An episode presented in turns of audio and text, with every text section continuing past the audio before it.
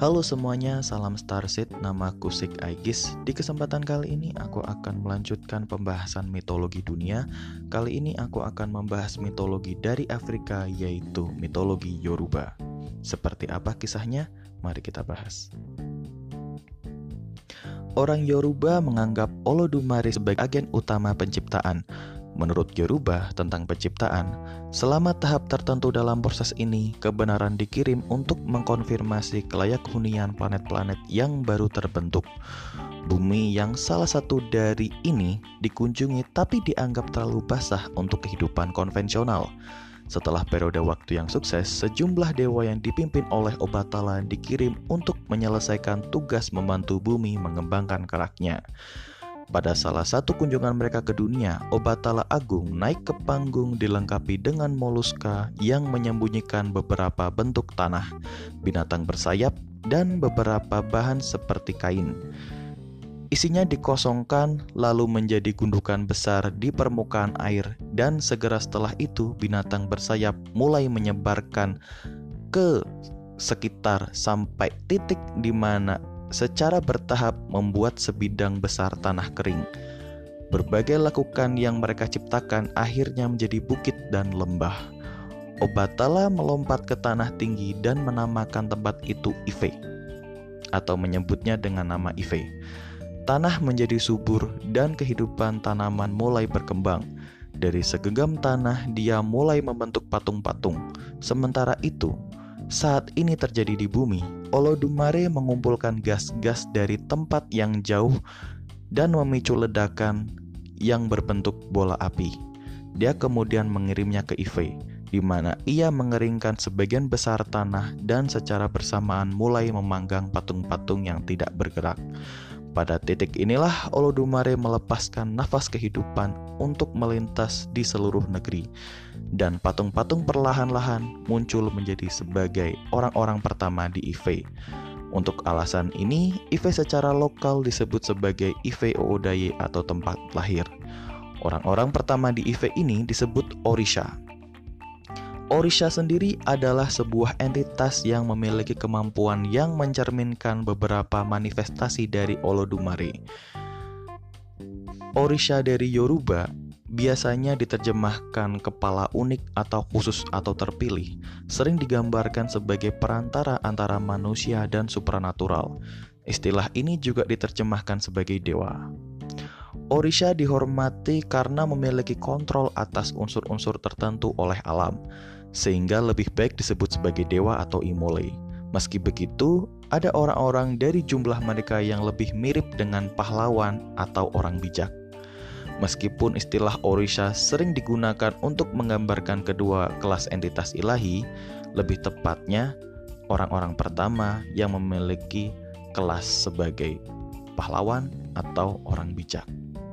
Nah, berbicara masalah orang bijak atau terkait orang bijak, ada salah satu cerita dari mitologi Yoruba di mana Orisha ini sebenarnya manusia biasa atau sebelum mereka mendapatkan kemampuan seperti mengendalikan petir dan lain sebagainya, mereka hanyalah manusia biasa yang meminta kekuatan atau pengetahuan kepada Orun Mila atau anak dari Olodumare atau keturunan dari Olodumare. Salah satu dari Orisha meminta kepada Orunmila untuk sebuah kekuatan atau kebijaksanaan atau pengetahuan yang berguna untuk mengatur jalannya dunia atau mengerjakan sesuatu yang mereka butuhkan atau mengatur alam semesta. Nah, ide dari satu orang Orisha ini akhirnya didukung oleh Orisha yang lain atau orang-orang yang lain. Yang ini membuat Orunmila sedikit merasa tertekan. Yang akhirnya Orunmila berbicara kepada seekor bunglon. Iya, bunglon. Literally hewan bunglon dia bertanya pendapat kepada bunglon ini tentang orang-orang yang meminta kekuatan pada dirinya. Namun sang bunglon pada intinya mengiyakan permintaan dari para Orisha ini. Yang akhirnya setelah lima hari berselang mereka meminta kemampuan kepada Orunmila, turunlah kekuatan dari dunia atas. Para Orisha yang memang mendambakan kekuatan ini berkumpul di padang yang luas atau di Ive dan secara bertahap mereka mendapatkan kekuatan yang mereka butuhkan, seperti kekuatan mengendalikan petir atau mengendalikan kasava. Ya, kasava. Mungkin personifikasi dari kasava kali ya. Nah, berarti kita bisa mengambil kesimpulan di sini bahwa dewa-dewi yang ada di mitologi Yoruba sebelumnya adalah manusia biasa. Tidak memiliki kemampuan seperti yang dideskripsikan mitologi lain di mana di mitologi lain sosok Zeus sudah dideskripsikan awal sebagai pengendali petir. Sosok Thor sudah dideskripsikan awal sebagai pengendali petir juga. Namun di mitologi Yoruba, mereka harus meminta dulu untuk mendapatkan kemampuan yang mereka inginkan. Berarti ada sebuah tahapan dari manusia yang akhirnya berevolusi menjadi dewa, atau dari manusia yang akhirnya mendapatkan kekuatan dewa. Yang ini unik secara mitologi, berbeda dengan mitologi yang lain. Ini adalah keunikan dari mitologi Yoruba. Nah, di mitologi Yoruba sendiri, praktek penyembahan dewa-dewa ini sering disebut dengan istilah voodoo atau perdukunan yang memang lumrah pada zaman dahulu. Di mana kita juga tahu bahwa praktek dukun ini juga ada di mitologi Korea atau di mitologi lain. Berarti praktek perdukunan ini memang menjadi sebuah perantara komunikasi antara manusia dengan dewa atau manusia dengan supranatural. Yang akhirnya dari konsep voodoo ini menginspirasi atau diadopsi di mitologi Hawaii dan beberapa mitologi yang ada di Amerika. Karena pada dasarnya mitologi yang ada di pada dasarnya mitologi yang ada di Amerika juga mengadopsi konsep dari perdukunan khususnya voodoo. Nah, di mitologi Yoruba sendiri mengenal istilah reinkarnasi yang which is ini menarik karena sepengetahuanku mitologi yang membahas masalah reinkarnasi itu hanya ada di teks-teks Buddha dan juga Hindu. Tapi di mit tapi di mitologi Yoruba juga mengenal istilah reinkarnasi, di mana kita adalah sosok dari leluhur kita, di mana kita adalah akumulasi dari pengetahuan leluhur kita sebelumnya. Padahal jarak antara benua Asia dengan benua Afrika itu sudah terlampau jauh, tapi konsep dari reinkarnasi sendiri dikenal di Afrika. Ya ini sangat menarik tentunya. Nah, terkait dengan reinkarnasi, ini sebenarnya menyambung dengan konsep pembahasan atau pembahasan mengenai past life regression atau disingkat PLR di mana past life regression adalah sebuah pengalaman spiritual di mana kita terhubung dengan masa lalu kita atau sosok kita di masa lalu atau leluhur kita.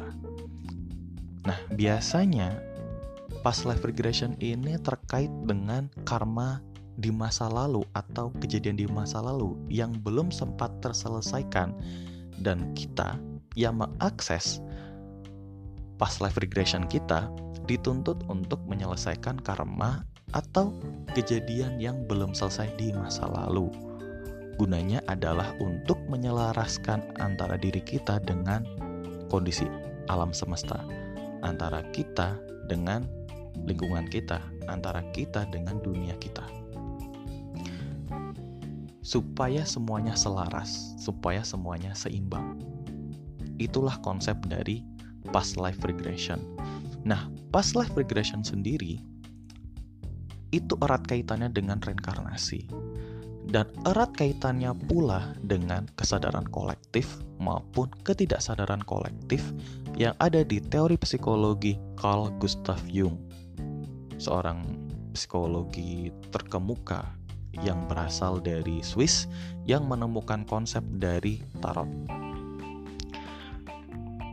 Nah, di sini kita bisa lihat bahwa reinkarnasi ini sebenarnya bisa bersifat empiris, bukan lagi bersifat spiritual. Karena ada sebuah ada sebuah apa ya istilahnya?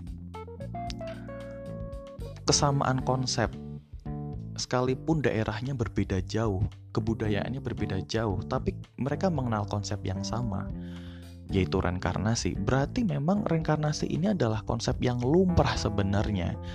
Dan perlu kita tahu banyak sekali kejadian di mana yang paling mudah adalah sosok Enzo Ferrari yang memiliki wajah yang sama dengan siapa ya waktu itu ya. Pokoknya dia memiliki wajah yang sama dengan uh, salah satu tokoh terkenal juga, si Enzo Ferrari ini. Oh, sorry, Enzo Ferrari memiliki wajah yang sama dengan Mesut Ozil dan sempat ada uh, teori konspirasi bahwa Mesut Ozil pemain sepak bola terkenal itu adalah keturunan dari Enzo Ferrari karena memiliki postur wajah yang sama Nah, postur wajah yang sama ini sebenarnya bukan hal yang kebetulan, bukan hal yang tidak bisa diprediksi, bisa diprediksi secara spiritual tentunya. Nah, tapi hal yang berdasarkan prediksi ini berarti ranahnya bukan lagi spiritual, bukan lagi mitologi, tapi ranahnya sudah bisa mencangkup ranah empiris di mana diri kita adalah produk dari leluhur kita sebelumnya. Dan produk dari leluhur kita sebelumnya mewariskan pengetahuan-pengetahuan yang kadang membantu kita di masa sekarang atau secara tidak langsung kita mempunyai sebuah pengalaman yang sebenarnya kita tidak mengalaminya tapi leluhur kita mengalami dan semua itu terkolektif dalam teori kesadaran kolektif dan ketidaksadaran kolektif yang kita bawa sampai saat ini. Berarti teori Carl Gustav Jung tentang kesadaran kolektif dan ketidaksadaran kolektif itu ada benarnya terkait dengan reinkarnasi. Nah, berarti bisa kita tarik kesimpulan bahwa mitologi Yoruba erat kaitannya dengan sosok manusia yang berubah menjadi dewa setelah meminta atau sosok manusia yang meminta kekuatan sehingga bisa menjadi dewa sehingga bisa membantu Orun Mila atau Olodumare dalam mengatur bumi. Kemudian konsep dari uh, spiritual atau konsep perantara antara manusia dengan dunia spiritual dihubungkan dengan konsep perdukunan yang bernama voodoo, yang akhirnya konsep ini juga tersebar ke Hawaii dan juga Amerika, yang juga tersebar di daratan Afrika tentunya. Di mana konsep perdukunan voodoo ini ya intinya dukun lah ya, memiliki kesamaan dengan konsep perdukunan yang ada di Korea di mana konsep perdukunan ini lumrah di masa lalu. Tapi untuk konsep perdukunan yang ada di mitologi Yoruba atau yang ada di Afrika atau atau mitologi yang ada di Afrika ini dikenal dengan istilah voodoo. Nah, lalu proses reinkarnasi yang memang dikenal di mitologi yang memang dikenal di ajaran agama Buddha dan juga Hindu, dikenal juga di mitologi Yoruba. Berarti berarti ada sebuah kesamaan konsep yang akhirnya dijelaskan secara empiris oleh Carl Gustav Jung yang bernama collective consciousness dan uncollective consciousness. Uh, sorry, collective unconsciousness dan juga collective consciousness. Kesadaran kolektif maupun ketidaksadaran kolektif. Nah, menarik bukan? Apabila kalian punya saran atas uh, episode podcast uh, atau memiliki saran untuk episode podcastku selanjutnya atau ingin bertanya-tanya terkait dengan konten-konten podcastku, kalian bisa email aku di sig.aigis@gmail.com atau chat aku di 085 640 540 570. Nah, sekian pembahasan podcastku kali ini. Sampai jumpa di podcast-podcastku selanjutnya. Bye-bye.